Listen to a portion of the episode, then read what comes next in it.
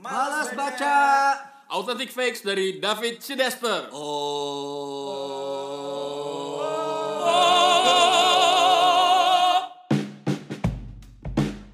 Ya hari ini malas baca kedatangan seorang pembicara lain selain gue Nosa dan Rojak produser kita.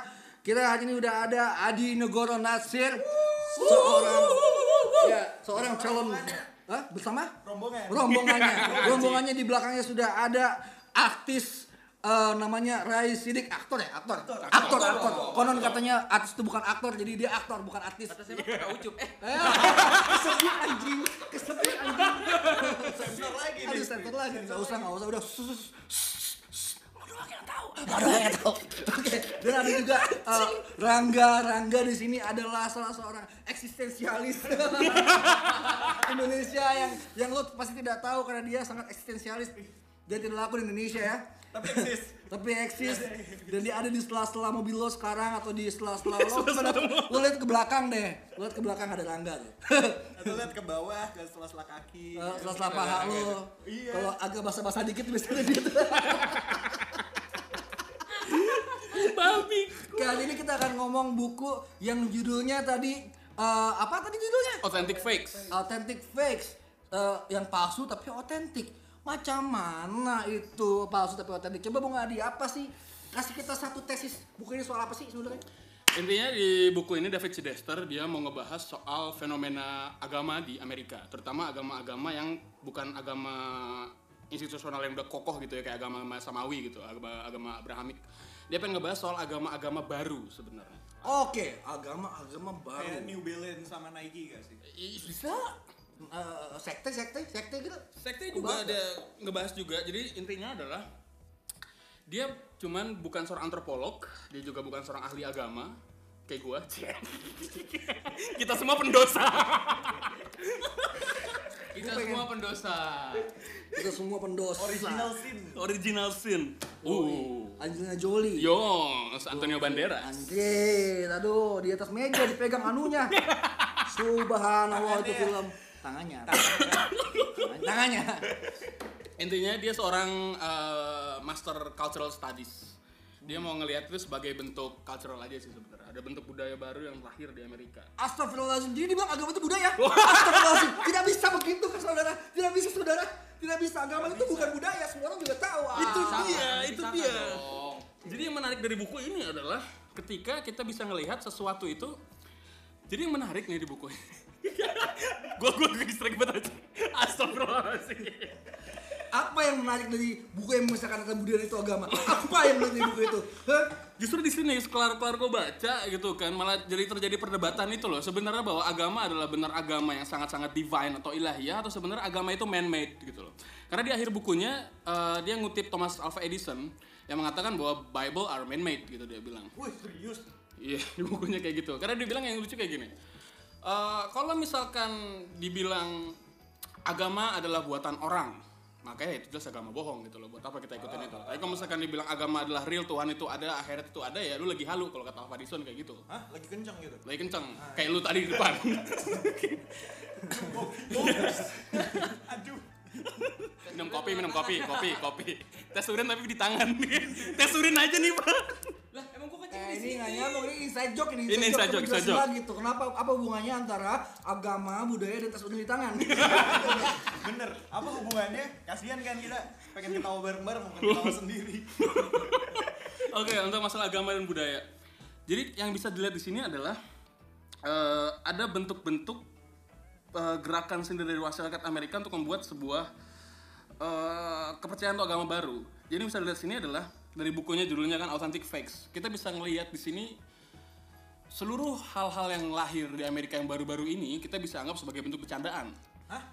Karena lucu gitu loh. Ada eh, Church of Yoda, gereja Yoda gitu loh. Ada Church of Elvis Presley. Yoda of Church kali, Yoda of Church. Yoda of Church. Nggak mungkin Church of Yoda, dia kan kalau ngomong kan kebalik-balik gitu. Oh iya. Jokesnya referensinya gitu. Nggak mungkin benar yang kena urutannya. Oh, iya, Pasti iya. Yoda of Church, you are my. Coki Milk. Yoda of Church padawan my you are. Kan Iya. Jadi eh, ada terlahir dari sebuah bercandaan yang mana jadi Church of Yoda, terus Church of apa? Iya, karena ada beberapa yang lahir juga mulai dari parodi gitu loh. Dia ingin parodikan agama-agama yang sudah kokoh itu, yang dianggapnya sebenarnya Iya, agama kan punya fungsi liberatif ya, dalam arti dia pembebasan gitu loh dari apa yang terkungkung oleh manusia gitu. Tapi agama juga punya fungsi represif. Kalau misalkan kita bisa lihat secara lebih dalam gitu, karena ada banyak larangan-larangan dalam agama, ada banyak juga ada akhirnya oknum-oknum gua akan mengatakan oknum yang menggunakan eh, agama sebagai alat keuntungan pribadi dia karena di Amerika pun juga udah mulai banyak terjadi kayak televangelis tuh orang-orang yang khotbah di TV Ah. mereka kan jadi kayak selebritis tuh Ah. tapi ujung-ujungnya banyak yang ketahuan juga bahwa mereka nipu para jamaahnya gitu loh. Tipunya gimana? Tipunya gimana? soal duit terutama jadi Duit. duit suka duit. ini juga dibahas juga di buku ini soal monetary religion gitu loh di mana duit adalah sebuah hal yang dipuja karena kalau misalkan kita ngacu ke Max Weber gitu dia bilang soal uh, protestan etik yang sangat dekat sama Amerika Amerika kan banyak kan orang-orang protestan ya. Dan protestan etik di sini adalah semakin banyak kita bekerja uh, semakin banyak kita bekerja kalau tulisan Max Weber maka kita akan punya posisi sama dengan para raja di akhirat nanti gitu. Oh loh. gitu. Ini yang kemudian di, yang akhirnya makanya Marx ngamuk kan bilang agama adalah candu karena ya itu para pekerja dimanipulir menggunakan dalil-dalil agama. Udah nggak apa-apa lu kerja capek, ntar lu masuk surga. Seper, eh. Jadi eh, waktu itu ada menteri ya di Indonesia gitu kan ngomong ke guru-guru honorer. Dia bilang kata udah nggak apa-apa gajinya kecil tapi ntar kan masuk surga kayak gimana sih pak? Indonesia. Nggak gitu, nggak gitu, nggak tahu negara mana ya. Kalau kalau agama sebagai apa namanya tempat buat buat buat kerja itu apa bagian dari eh, apa eh, budaya proletar ya itu memang memang udah lama bukan Marx juga udah ngomong gitu. Iya. Udah mengkritik Weber juga. Cuma kan ternyata sama juga Weber selalu bilang juga bahwa itu yang membuat Amerika jadi besar gitu. Yoi, betul. Proses proses etik itu kan yang membuat Iya. Amerika jadi besar. Nah, eh, buku ini kan dibuat tahun berapa? Eh, 2000 2010 atas. 2010 berarti kan sudah zaman zaman eh, eh, sekarang kan 4.0 Iya, di iya, tahun iya, ini iya. kan dengan semua agama-agama kayak Scientology macam-macam itu kan Iya, iya. berarti kan ada nggak perubahan-perubahan kultural yang terjadi ke dalam agama-agama baru ini gitu soal tadi kan soal duit oke gitu Mhm. tapi itu kan masih masih zaman etik ya kerja untuk uang untuk surga Yoi. juga gitu tapi kalau zaman sekarang yang zaman yang lebih konsumeris ini gimana bedanya apa Bedanya kalau misalnya tadi ngebahas soal konsumeris juga, eh, di sini ditunjukin juga bahwa dengan konsumerisme masyarakat yang begitu tinggi, ada sebuah apa ya? Telah lahir bentuk-bentuk agama baru lagi tadi, Coca colonization misalnya. Coca-Cola. Apa itu? Coca-Cola di station. Jadi. Coca-colonization dalam artian adalah Coca-Cola akhirnya mencoba untuk mengkoloni masyarakat seluruh dunia dengan produknya gitu loh. Karena gue lupa nih di buku ini ada ada yang lucu. Coca-Cola yang menarik mereka itu produk Amerika ya. Pokoknya oleh Amerika lah pokoknya di buku ini. yang menarik di setiap negara eh, nggak semua nggak setiap negara sih ada beberapa negara yang menganggap bahwa Coca-Cola itu embodied sama negaranya. Coca-Cola ada produk negaranya sendiri gitu loh. kayak Indomie di Nigeria Itu dia. Indomie dianggap produk Nigeria, men. Kalau nggak salah di Peru gitu lagi diwawancarain ada orang kayak ini apa yang namanya Coca-Cola ini minuman dari mana ini dari asli dari sini gitu jadi kayak ada ada perasaan pride di situ loh. Nah, yang gede lagi salah satunya juga soal McDonaldizations. Bagaimana McDonald bisa menciptakan sebuah market raksasa gitu kan di mana orang-orang jadi kayak orang beragama gitu loh, kayak orang-orang beribadah dalam artian Jadi gua ke McD tunggu tunggu tunggu Mac tunggu, gitu. tunggu. mungkin kita harus mundur dikit agama menurut si siapa David Cidester. Cidester ini apa sih Waduh, panjang. Bagaimana sih nggak se- eh, eh, kalau misalnya kita ngomong soal eh, definisi klasiknya agama let's say kayak Clifford Geertz gitu ya Iya. atau kalau itu dia pernah bilang bahwa agama itu soal sistem simbol Mhm. yang dipercaya orang-orang gitu dan membuat bagian dari worldview dan sistem produksi kehidupan misalnya gitu Oke. itu kan Clifford Geertz ngomong kayak gitu nah kalau da- dan itu dibongkar-bongkar sama dia kan dibikin kayak lima poin untuk ngomongin apa itu agama dan bagaimana agama itu bisa membuat orang tuh hidup sehari-hari gitu sebagai bagian dari ideologi dia gitu misalnya tapi kalau di dia tuh kira-kira agama itu apa sih konteks agamanya dia tuh Oke. oke Eh, kalau misalnya di sini kita bisa lihat bahwa eh, agama pop culture punya tiga aspek yang begitu erat. Itu pertama adalah soal communities, object dan exchange. Jadi, sorry. Community object exchange berarti community komunitas Iya. yang, yang meng- meng- mengamini itu. Dalam artian dia bisa membentuk sebuah komunitas yang saling utuh untuk bisa saling membantu satu sama lain. Oke, jadi kayak misalnya kita di Mondi Blanc nih. Eh, Yoi. agama agama. atau di podcast ini ya Iya. malas baca podcast kita bikin sebuah komunitas yang malas baca gitu ya. Kita bener-bener kayak hari ini kita nggak ada yang baca ini kecuali Adi gitu kan. Baca ini. Oke gila. Kita nggak baca ini gitu. Tapi, tapi soal apa eh, membahas itu juga gue gue punya referensi. Jadi ada salah satu salah satu eh, brand apa kayak clothing gitu, brand designer gitu. sebut Iya, iya. lagi sebut sebut Enggak, apa nih? Jadi kalau kebetulan kalau nanti nggak jadi nggak bisa kita sensor iya iya iya Diancem anjing. lo kalau mau disebut kita minta duit kalau lo nggak kalau nggak ngasih duit kita sensor coba apa brandnya eh, di apa? ya? ini ini serius di up nih. Apa aja Ya, ya, ya, ya. Jadi kebetulan brand ini dari Indonesia dan gua kenal sama eh, desainer dan foundernya. Oh, iya. namanya deh. Jadi gini, dia dia emang eh, buat banyak banyak model ini kan, outfit gitu kan. Tapi ada satu basic shirt, dia cuma buat kaos, kaos hitam, kaos putih wi- yang ada gam apa ternyata sampai detik ini jadi pride sendiri kalau pakai itu gua nggak tahu kenapa. apa eh, kayak pride itu anjing gua Kayak pakai kaos putih Bukan gini, pride lebih iya. Enggak tapi Bukan. Pride lebih kayak gini loh, lebih ke kok jadi kayak bangga dan kayak erat. Wah anjing lu pakai itu. Oke, kita satu Ada bro brotherhood gitu, di situ ya. kan. ada brotherhood di iya. situ. Maksud gua itu kan efek lo pakai celana coba gue buka celana anjir. Ya kayak gitu. Jadi kayak ada ada saling saling erat, saling memiliki. Oke, kita brother langsung gitu loh. Yoi, Waduh, saudara sebaju. Saudara sebaju. Padahal Kan biasanya kan saudara selobang. Gimana sih itu selobang tuh aku bingung. Aku nggak ngerti. Gue nggak paham ginian bang. Lo ambil cangkul, Ah. lo buka tuh gali tanah, Ah. masukin tanahnya. Nah, habis itu masukin bareng-bareng tanah itu. Bareng-bareng. Ah. Kenapa harus bareng-bareng? Ya, karena kan saudara selobang. Nggak, Anjir. lo sama kakak lo juga saudara selobang kan? Iya. Di lubang mak lo kan keluar ya? Iya. Ya udah. Tidak salah. lanjut, lanjut, lanjut. Iya, itu yang Terus, tapi itu itu yang yang yang yang bikin gua eh, yang yang menarik adalah itu sesimpel cuman tulisan dan kaos gitu loh.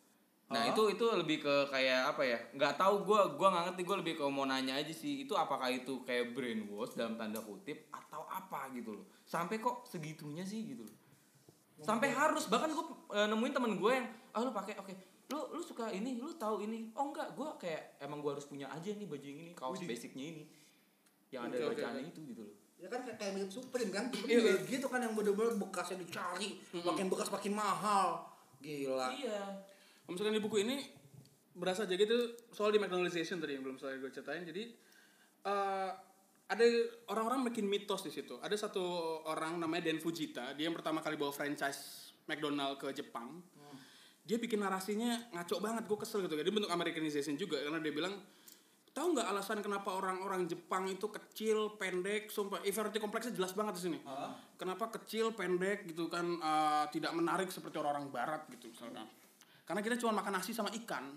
Hah? Kita harus makan daging seperti orang Amerika. terus mereka makan daging Karena itu Dan Fujita merasa sebagai seorang penyelamat membawa McDonald untuk orang-orang bisa makan daging dan itu beneran kebeli sama orang-orang. Orang-orang beli narasi itu bahwa mereka pengen jadi kayak orang Amerika. Mereka pengen punya juga ngerasa bahwa itulah inferiority complex itu yang menurut gua menarik. Dan akhirnya ya eh, McDonald jadi kencang banget dan orang-orang merasa bahwa dengan mereka ke McDonald, mereka ngerasa kayak pilgrimage gitu loh. Mereka ngerasa lagi ke Amerika. oh Hanya gue jadi ingat kayak ada ada ada meme itu yang dalam dalam meme banting-banting barang sama iklan Jepangnya jadi meme tuh nggak lo? Nggak tahu gue gua- nanti deh nanti deh gue kasih lihat ya. YouTube ya. nanti kalau ada versi YouTube ini kita masuk masukin tuh ngepet.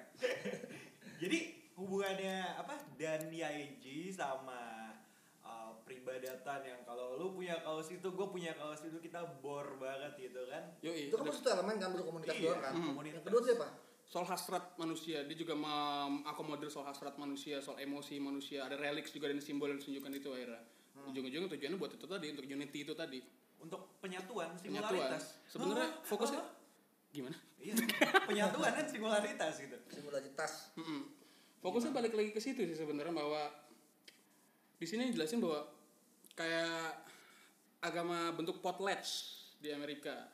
Di mana orang-orang itu saling berbagi satu sama lain gitu loh. Oh. Ada itu jadi mereka dari ngambil ngambil dari suku Indian sih di mana ini konsep Indonesia itu biar tekor asal kesohor Jadi lu kasih banyak-banyak itu biar nama lu naik kayak gitu tuh. Itu masuk juga di bagian ketiga tuh memfasilitasi pertukaran di antara manusia gitu loh. Karena mereka ngerasa bahwa dengan ada pertukaran itu ada bentuk exchange itu, maka hubungan antar manusia dan juga hubungan antar Tuhan itu bisa terjadi akhirnya. Nah, tapi Tuhannya di mana dalam dalam konsumerisme? Nah, di sini Tuhan adalah monitoringnya itu tadi.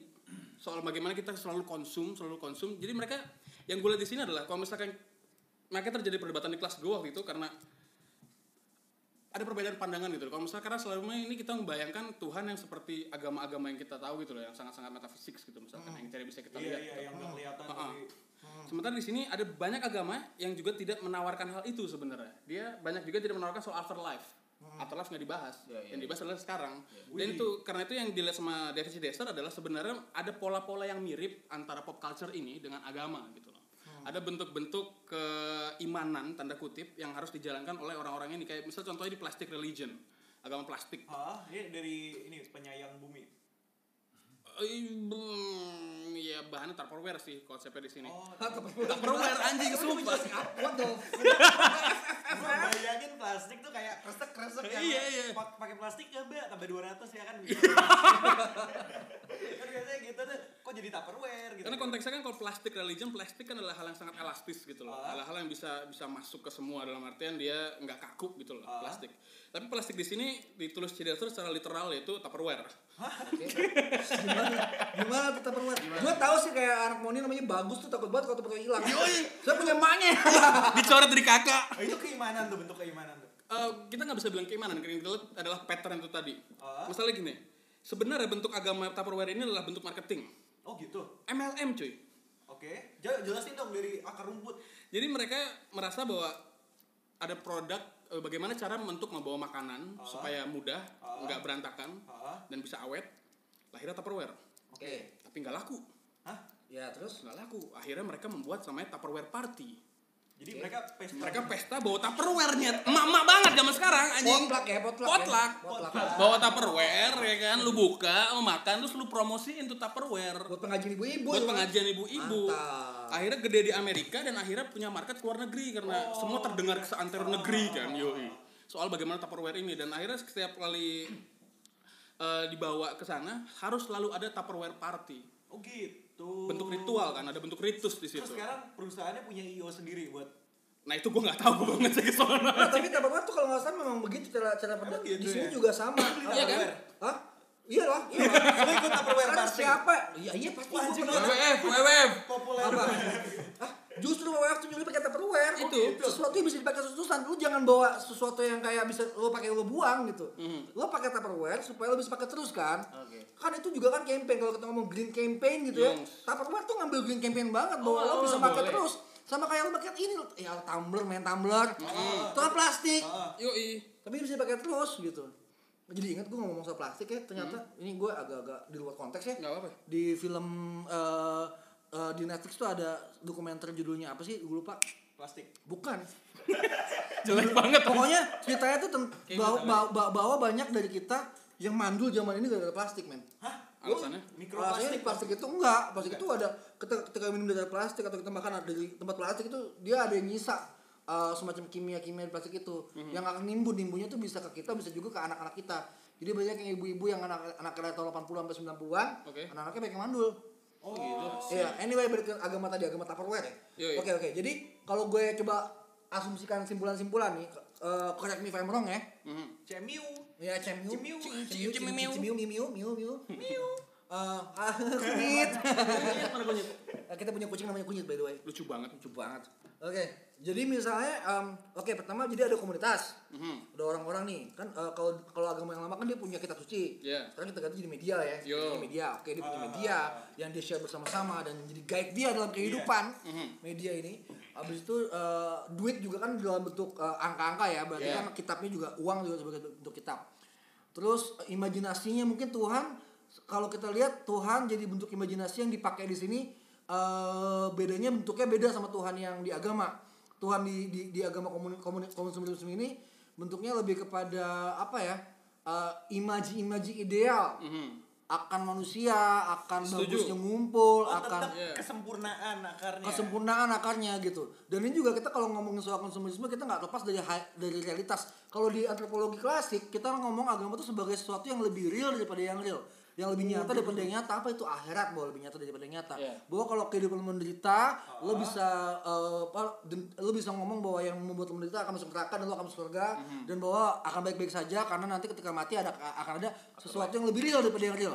Nah, kalau sekarang kita mungkin ngomongnya mesti pakai konsep bahwa dilihat Hyper hyper reality. Tepat ya tuh. tepat. Hyperreality. sini. Karena apa tuh hyperreality? Hyperreality adalah sebuah eh, apa namanya eh, ha- karya medium atau atau hasil karya yang dianggap eh, melebihi yang Melebihi melebihi yang real. Tapi gini misalnya, ada gue kenal orang-orang yang ngirim surat ke London untuk Harry Potter. Widih.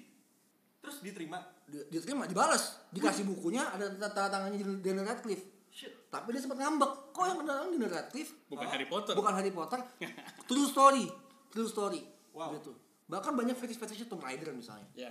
Gitu. Fetish-fetishnya Lara, Lara, Lara Croft gitu Oh, misalnya. Oh, oh. itu kan hyper reality tau gak hyper reality yang lebih real lagi kita sering pakai? Apa, apa? bokep. Kalau menurut lihat pornografi itu adalah reality by proxy. Artinya kenyataan tapi berjarak. Ketika lo nonton bokep kan bokep kebanyakan kan dibuat cowok ya. Iya, iya. jadi Ah. sudut pandang kan cowok banget kan. Iya. ketika lo coli pakai bokep lo kan seakan- seakan-akan ada di situ. Lagi fuck up sama perempuan itu gitu. Yang ada di Oh. bokepnya gitu. Jadi itu kan reality by proxy. Lo anggap ketika lo lagi masuk basi dengan bokep ini beneran ini beneran cewek beneran cewek beneran bohong Kalau misal lo lagi ngewe tapi sambil nonton bokep itu super hyper real dong. iya dong soalnya cewek lo jelek Anjing. Kok ngegas sih? Terlalu jujur bahaya. aduh gini deh nggak lo pernah nggak ngayal orang lain aja.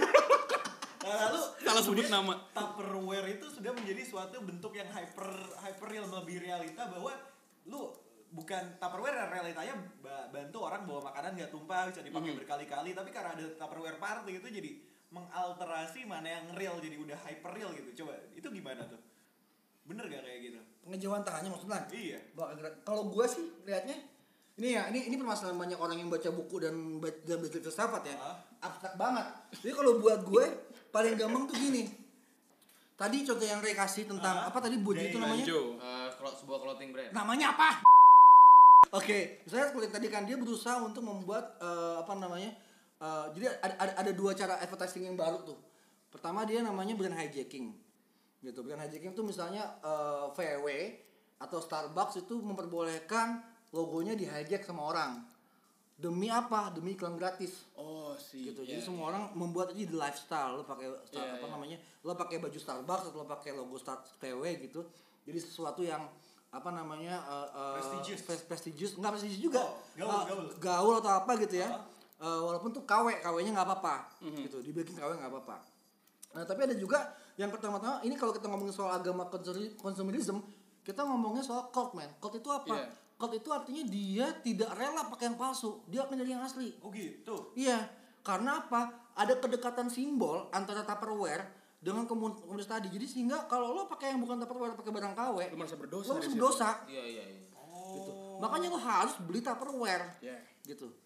Gitu. Sama kayak baju juga kalau misalnya baju yang palsu, lo harus berdosa mending beli bekas tapi asli daripada beli yang baru tapi palsu. iya sih gua Menghargai si maker dan juga bagian dari brotherhood itu kan jadi. Iya. Iya, menghargai maker. Nah, ini masalahnya ada penipuan besar-besaran di sini. Ya penipuan itu, ya itu. seperti semua agama ya selalu ada penipuannya. Semakin besar semakin tertipu. Apa itu penipuannya?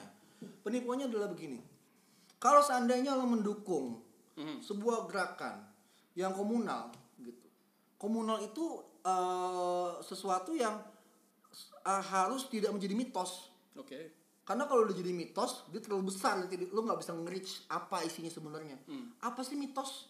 Mitos adalah sebuah simbol yang nggak ada hubungannya dengan aslinya sama sekali kayak meja hijau gitu itu kan apa namanya eh, apa namanya ke eh, hukum-hukum gitu hukum kan bukan meja warna hijau kan Iya, itu kan iya. simbol dia gitu nah tapi kalau kita ngomong soal mitos kita ngomong sesuatu yang lebih jauh lagi dari itu Oke. wow jadi udah nggak ketres lagi mitos kayak misalnya ketiban cicak jadi mati jadi mati atau uh, sial Iya, gitu. iya.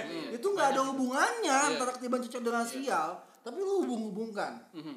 gitu. Nah pemakaian mitos dalam agama ini juga bahaya sebenarnya kan karena kebanyakan misalnya like, let's say kalau gue ngomong frontal orang Islam di, di Jakarta Hah? gitu yang pada eh, hijrah-hijrah dan pada kencang-kencang ngomongnya itu biasanya yang belum belajar bener-bener Oh. gitu karena mereka eh, hanya tahu apa kata ustadznya aja gitu ya mungkin benar juga nggak Karena mereka malas baca.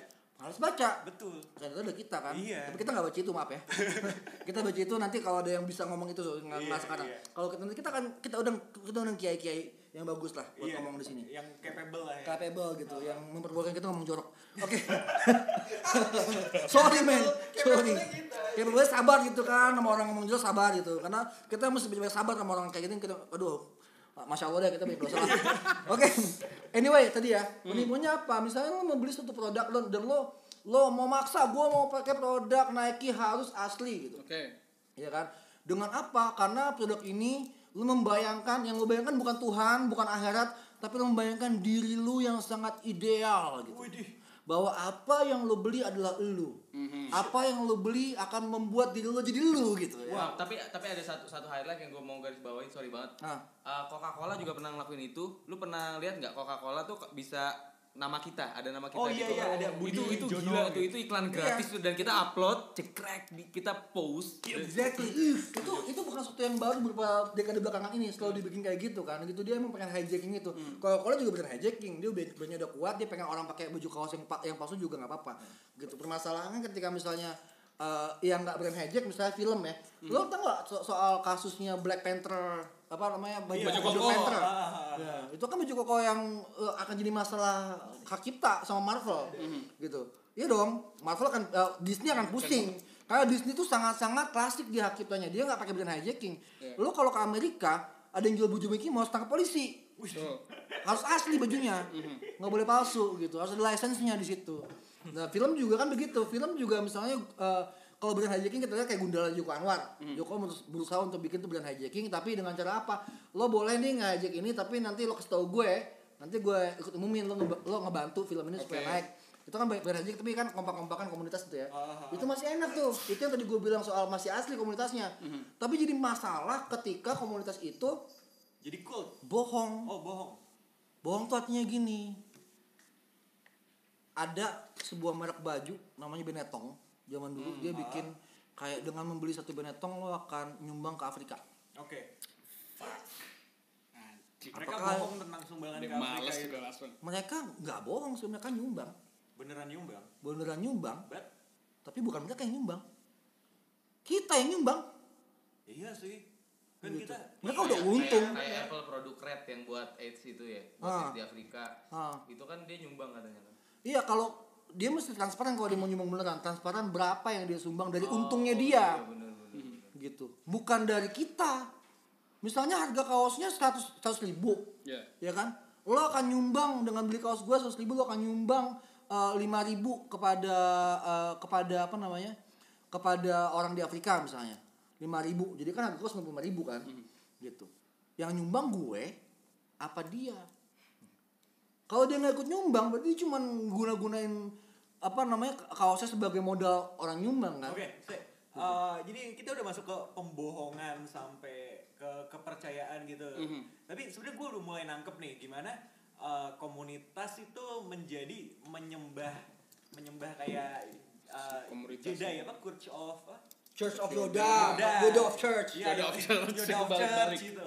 Ya udah, gue udah mulai paham gimana komunitas bisa nyembah Tupperware yang nggak sampai jadi mitos gitu. Nah, apa permasalahannya adalah kok bisa ini sampai agama? Padahal kalau kita ngomongin Tuhan kan itu sampai Mhm. udah Ya. sampai mitos banget. mitos lah sekarang kalau lo beli tupperware palsu terus gue marah kan gue kan anggota ini FPT Iya. Pembela tupperware Waduh. lo nggak boleh beli yang palsu yang asli dong tupperware Terus Tupperware gue lu banting-banting gitu. gue banting banting Anjing. Ih gila lo tupperware palsu Ih menjijikan sekali lo Gue lo kan gue bully sosial karena beli tupperware palsu Gila banget. Itu Iya, yang pengen ditunjukin sama Cidester. Ada Oh. pola yang sama antara si barang komunitas ini dengan agama yang sudah dianut oleh orang-orang gitu loh. Sebenarnya. Ketika bentuk pembelaan tadi gitu kan. Karena itu kan bentuk blasphemy sebenarnya. Iya. Padahal kan lucu-lucu aja itu kan barang sebenarnya, barang-barang kapitalistik ini. Iya, iya. Tapi kita menganggap itu sebagai bentuk blasphemy gitu loh. Apa yang disebut kalau misalnya bukan agama gitu loh. Patternnya, polanya. Iya sih, udah garis keras banget gitu Itu ya. dia. dan setuju juga tadi masalah yang ngomongin masalah manusia yang ideal gitu. Karena tadi dibahas juga di buku ini masalah Disneyization. Soal bagaimana Disney menciptakan sebuah imajinasi ideal terhadap sebuah eh, manusia gitu loh karena di sini kan Disney yang seperti kita tahu sangat-sangat indah gitu kan Iya iya iya. Meskipun lu Cinderella. sangat terdera dari awal, lu akan menjadi putri raja Cinderella Iya, gitu kan. Itu loh ada ada ada bentuk-bentuk entah mungkin kita bisa bilang tipuan atau tidak gitu. Tapi setidaknya itu yang dibentuk ada sebuah bentuk imaji di sini, ada sebuah bentuk eh, dogma yang mana orang-orang akan sangat megang itu. Dan eh iya masalah tadi si Mickey Mouse yang harus pakai izinnya dia gitu itu sangat-sangat dijaga oleh Disney. Bahkan yang lucu tadi masalah di Jepang lagi. Di Jepang sampai ada orang eh, yang punya manajer Jepang saat itu tahun 80-an ditanya mau nggak kalau misalkan Disney kita rombak jadi ala-ala Jepang? Hah? Jepang Japan theme gitu. ah, ah. dia bilang nggak mau. Kalau misalnya kita ubah jadi kayak Jepang kita nggak merasa lagi ke Amerika sampai kayak begitu gitu. ada ada bentuk-bentuk puritanism Iya, iya, yang iya. kencang abis gitu loh di antara orang-orang ini yang sudah makan produk ini Puritanism tuh apa sih? Kemurnian, jadi Kemurnian. kemurnian. Oh, harus pemurnian. murni. Harus murni. Makanya tuh authentic fact kan. Authentic harus harus authentic, harus bener, harus asli. Gitu. Nah, sementara kalau lo lihat ya orang-orang Jepang juga punya defense itu loh. Kayak misalnya Ghibli itu berapa kali ngirim Ghibli. eh, iya ngirim apa namanya? katana, tahu kan katana ya? Anjir. Dia ngirim katana ke Amerika Agar ketika supaya- buku-buku eh, ketika film-film Ghibli mau diterjemahin. Terus, Katananya itu simbol ada tulisannya, ada tulisannya. Seru nih. Ada tulisannya katananya. No cuts. Oh. No cuts. Nggak boleh lo sensor. shit man Itu kayak Yakuza abis Iya, habis. men. Itu Ghibli ngirim ke, ke Amerika tuh. Ke distributor Amerika, ke, ke Disney juga, ke beberapa distributor yang ngomong yang, yang, yang bikin film Ghibli jadi bahasa Inggris. Hah? Itu katana itu. Ya tapi kalau diomongin orang Indonesia bukan katana, dikirim samurai. lu nggak tau gue punya pedang samurai? Parah, cu, parah. Dikirim parang ke sana kan, ke Amerika kan. Tulisannya no cuts gitu kan. Tapi tetap di-cut. Kenapa parangnya? Karatan Iya, parangnya jelek biasa buat STM anjing jelek parang bawa tas sini. Ini- goblok So, dari authentic facts ini berarti eh, cukup kontradiktif ya. Gue udah mulai nangkep bahwa semua orang kayak nyari puritan, apa nyari pemurnian gitu kan. Menjadi menjadi otentik, Tupperware yang oten, Nike yang oten, segala macam, segala macam. But fake-nya di mana? fake-nya kan dalam artian gini, authentic fakes. Kita bisa melihat tadi kalau misalnya Cidester bilang polanya sama seperti agama, tapi apakah kita bisa lihat sebagai agama gitu? Enggak, ini fakes gitu loh. Ini agama-agama yang fakes tanda kutip karena dalam artian ya masa lu agamanya Tupperware. Loh kok dia kontradiktif? Kenapa kalau dia bilang autentik terus Autentiknya Apa adalah perasaan si orang yang menganut uh, agama tanda kutip tadi itu. Mereka merasakan itu secara otentik. Padahal hal ini lucu sebenarnya gitu loh. Hal ini bisa kita bilang sebagai apa sih itu Kenapa sebenarnya? lu bilang lucu? Siapa tuh orang stuff, bro. Nah itu gitu dia. ya. Makanya yang menarik di sini adalah ketika itu terjadi perdebatan di kelas ya. Sebenarnya kita nggak bisa bilang ini sebenarnya agama. Kalau misalnya posisi gue adalah kita nggak bisa bilang ini agama lucu-lucuan gitu loh. Ini serius. Ini serius iya. karena yang dia rasakan oleh orang-orang ini secara otentik. Iya, ini mereka kita bilang lucu karena kita sudah megang agama yang sudah ada ribuan tahun. Kita merasa ada bentuk arogansi Ah. agamaan di situ kan. Kalau misalkan agama-agama tadi Church of uh, Jedi, eh? Adinegoro deh. Ya. Gak ada yang mau nyembah gue anjing. Cuma satu ada negoro. Iya, gue doang. Jemaahnya ada negoro. Jamaahnya gue juga. Jemaahnya ada negoro doang. Misalnya tadi ada yang lucu eh, namanya Quack Religion. Jadi ada agama virtual di mana keren banget coy. Anjing agama virtual. Agama. Bahasan apa aja? Iya, ada namanya agama virtual di sini bukunya ada Dating with Jesus. Oke. Ini kan kalau misalkan ada orang-orang Puritan Kristen kita bisa anggap ini sebagai bentuk blasphemy kan. Sebenarnya ini bentuk penistaan terhadap Yesus gitu loh. Tapi ini masih jalan dan banyak orang yang pakai agama ini gitu loh. Bahwa mereka dating dengan Jesus. Yang mana nih makanya gue bilang lucu kenapa? Karena di sini bayangin coy. Intinya adalah lu dating beneran sama si Yesus tanda kutip ini gitu loh. Perawakannya sama gitu loh. Rambutnya panjang. Kayak Rangga gini. Kayak Rangga gini ya, rambutnya panjang yang penting. yang naik di ini, yang naik di apa? Apa yang demo kemarin tuh? Yang Yesus kan? Netflix ya? Ya, bukan. Oh bukan yang di atas ini Iya, apa yang pelang-pelang ini Iya, kan pelang ngeliat sama pelang tuh. Iya anggap ngeliat sama dia ya. Ah, ah. Jadi di dalam eh, lu bisa tercek di itunya dating with Jesus kalau nggak salah. Itu ada speknya cuy.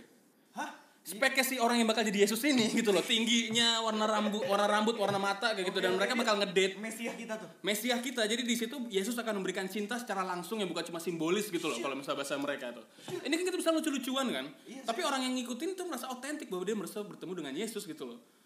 ini otentik bagi mereka dan dari misalnya dari agama kuek yang tadi gue bilang ini anjir aneh banget intinya lu kayak mencet tombol di gitu terus bunyi kuek kuek kuek kuek kuek kayak gitu terus terus yang anjing di sini adalah kalau misalkan eh, di agama Islam gitu misalkan eh, Tuhan mengikuti prasangka hambanya kayak gitu kan oke, ah. dia bawa narasi yang mirip Eh, kalau misalkan kamu menganggap uh, quack religion sebagai bercandaan, maka quack religion adalah bercandaan. Tapi kalau misalkan kamu menganggap quack religion adalah serius, maka ia adalah serius.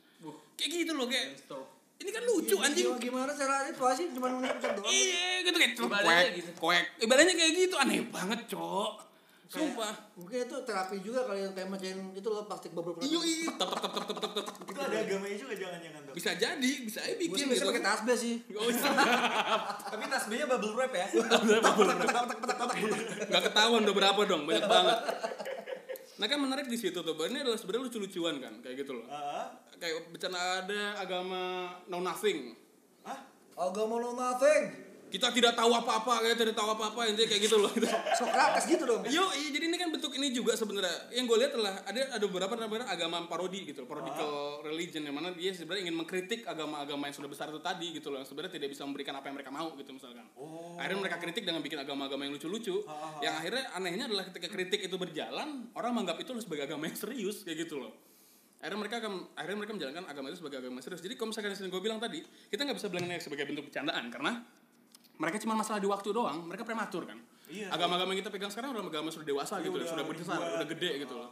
Nah ini kan mereka prematur baru lahir. Iya. Ya jelas dong sebagai seorang senior bakal kita cule-culein kan. Iya. Ya gitu. Ya, kayak sama cerita awal-awal Islam pun atau Nasrani pun awal-awal mereka apa awal-awal eh, ada juga kan diceceng Itu. apaan tuh apa iya Makanya. atau dari ribuan tahun jadi punya established power yang gede gitu loh Nah itu dia yang tadi gue bilang ini kita nggak bisa bercandain. Kalau misalkan seribu tahun lagi, quack religion masih ada dan dan penganutnya ada ada 60 juta orang gitu loh. Tak. Kuek. Quack, Kuek.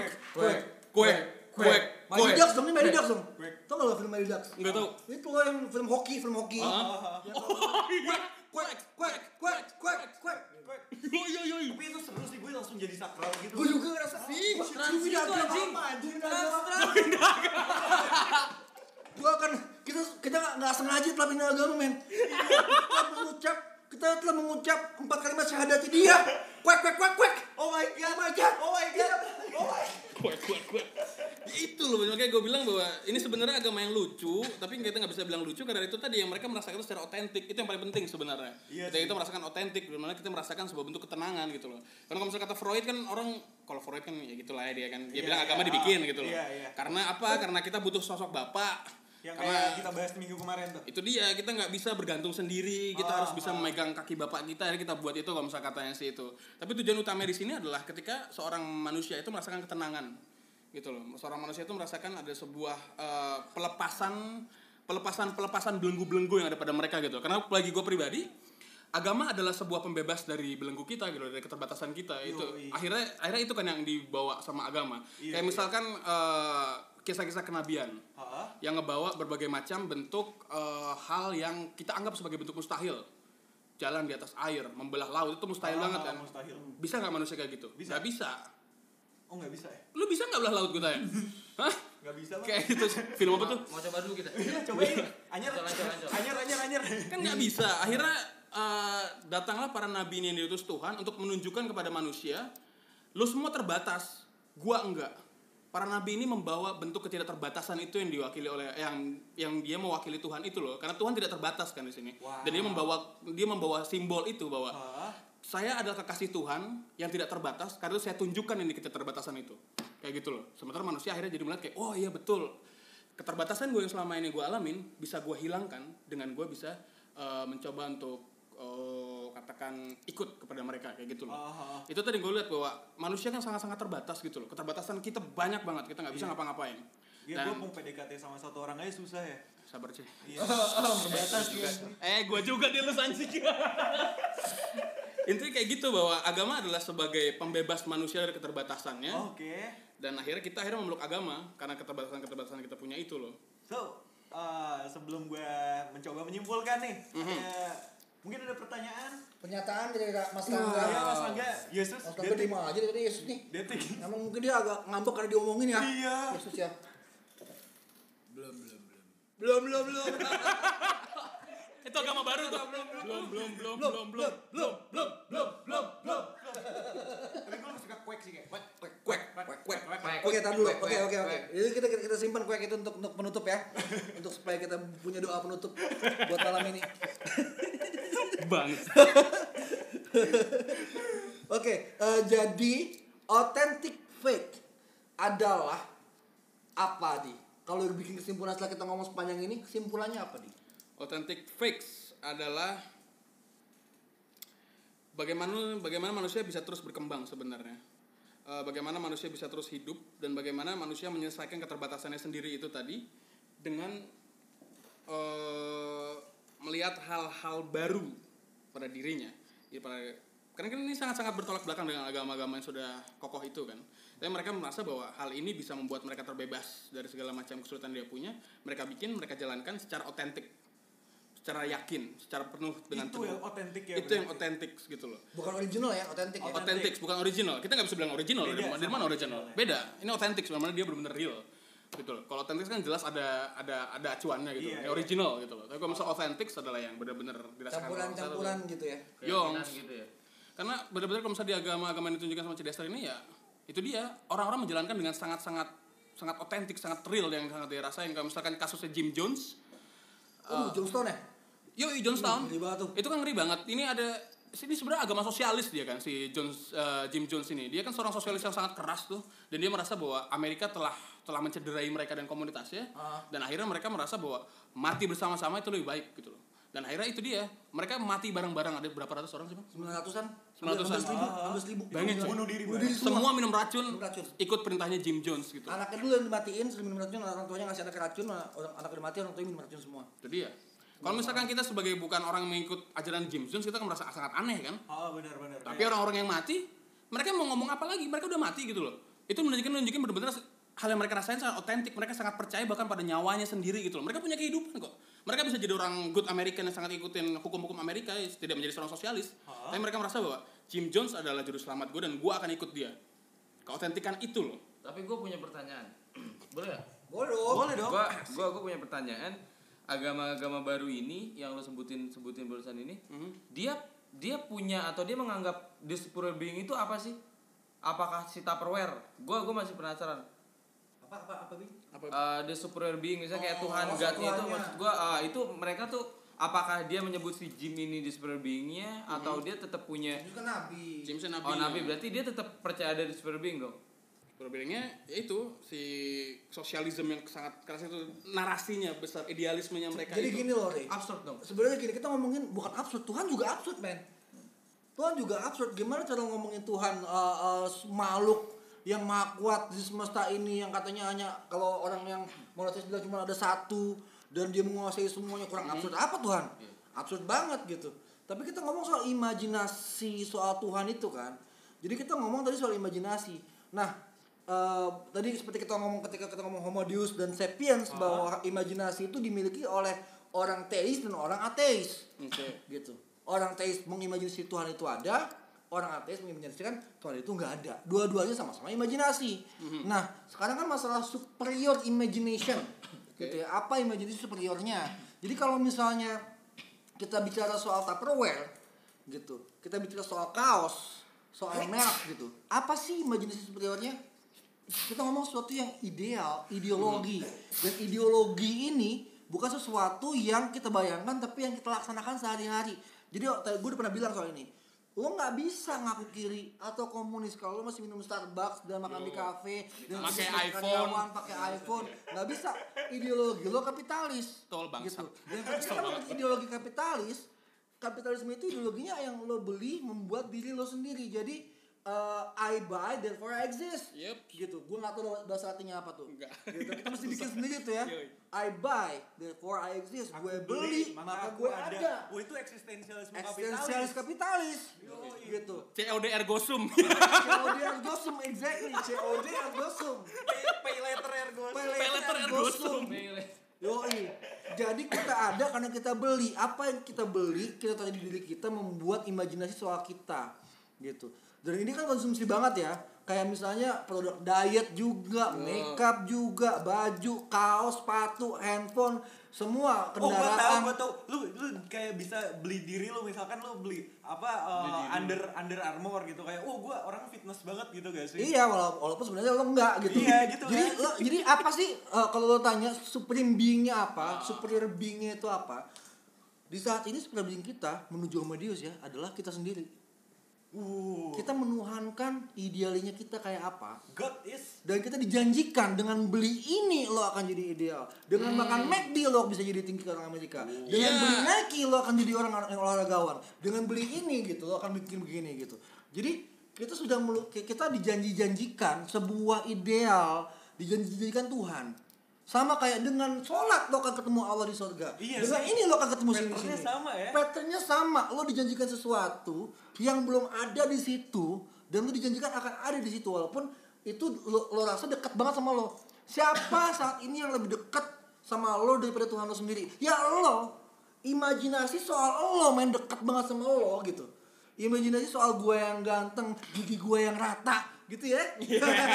Sensor Pakai nggak? apa, Re? Endorse lagi nih. apa? Lo dibayar kan? Iya. Ya kan lo temen kita lo boleh endorse rata. Yoi. It works gak? It works gak? Hah? Das rata works? Iya, Wok. It works. Yeay. Pakai rata biar rata. Thank you Rata. Eh, by the way ini endorse terbesarku. Itu sensor ya. Enggak, enggak apa-apa emang bagus kan produknya kan. Oh, iya. Either way, enggak apa-apa. Semua kapitalisme itu menjanjikan sesuatu. Ya, seperti semua agama menjanjikan sesuatu. Gitu. Kalau sesuatu yang kita nggak dapat kita kecewa. Yang punya agama nggak dapat apa yang dijanjikan agamanya, misalnya ketenangan batin misalnya nggak dapat. Either dia jadi ateis atau dia pindah agama. Atau bikin agama baru. Atau bikin agama baru. Oh, iya. Gitu. Atau jadi Oh konsumer. jadi Nah. iya pak, pada, karena pada akhirnya agama bukan mengekang tadi lu bilang ya untuk membebaskan ya. Tapi dengan dengan beragama kalau lu terkekang berarti ada yang salah gitu. agama baru. Atau Oke. lo mesti Nggak, ustaz tapi, baru. tapi, gitu. tapi that, that's the fact maksudnya ada ada yang orang yang dia beragama tapi dia masih terkekang anjir. Mhm. Itu loh, itu itu itu.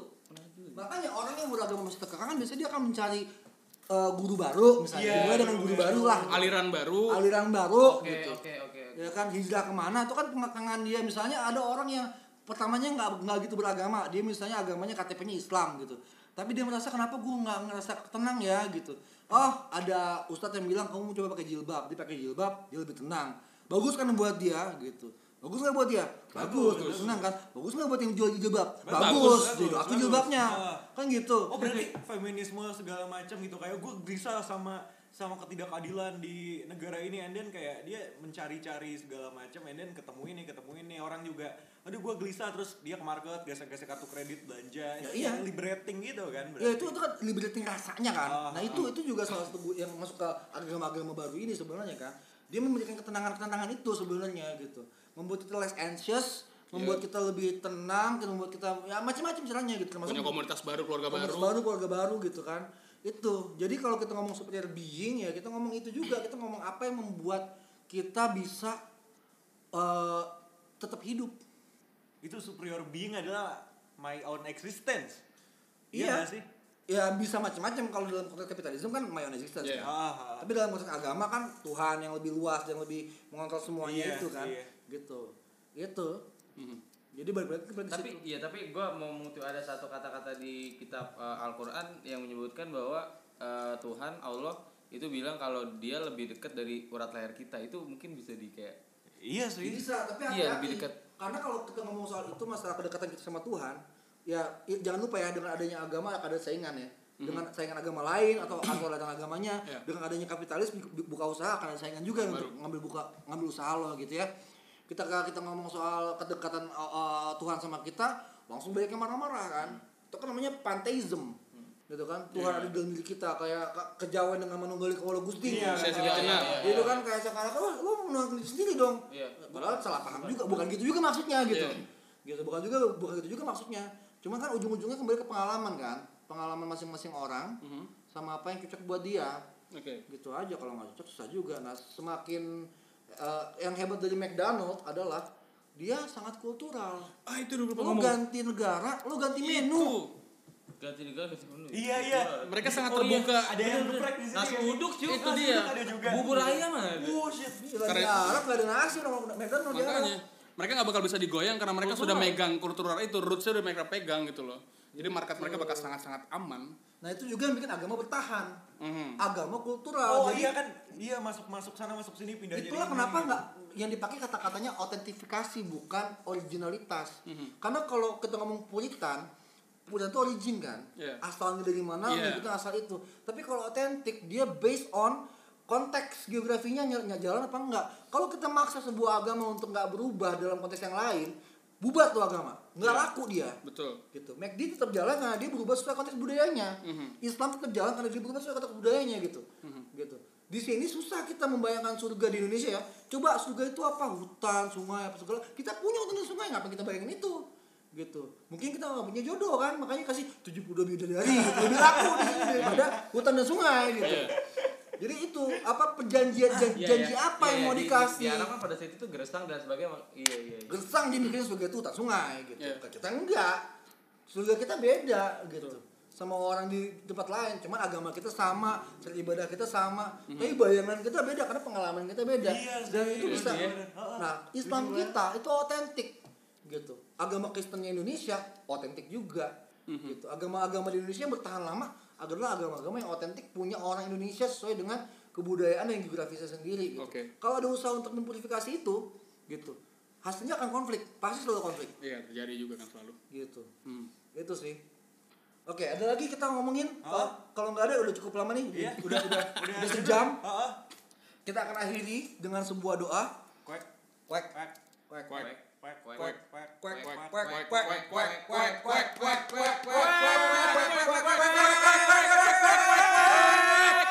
Wassalamualaikum warahmatullahi wabarakatuh. Waalaikumsalam.